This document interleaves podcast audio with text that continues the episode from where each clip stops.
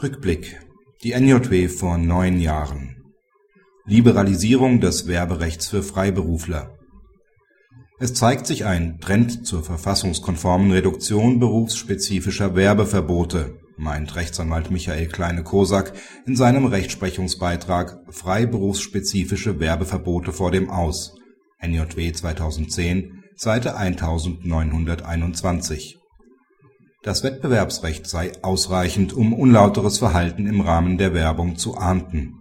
Gestützt wird der Autor in seiner Aussage durch ein Urteil des BGH vom Juli 2009, in dem die Karlsruher Richter vom freiberufsspezifischen Wettbewerbsverbot abrücken und das Werberecht der Rechtsanwälte und Steuerberater liberalisieren (NJW 2010, Seite 1968). Eine Liberalisierung des anwaltlichen Werberechts hat sich auch bereits in der NJW von vor neun Jahren angedeutet.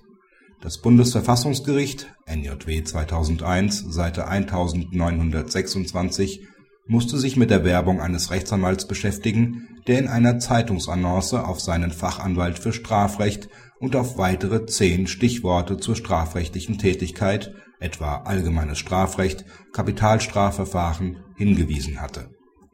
Nach § 7 Absatz 1 Bora alte Fassung waren unabhängig von der Bezeichnung als Fachanwalt nicht mehr als fünf Benennungen zulässig.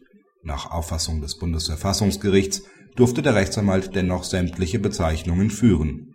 Die Tätigkeitsbereiche seien Teile des Kernbereichs der bezeichneten Fachanwaltschaft und konkretisierten diese näher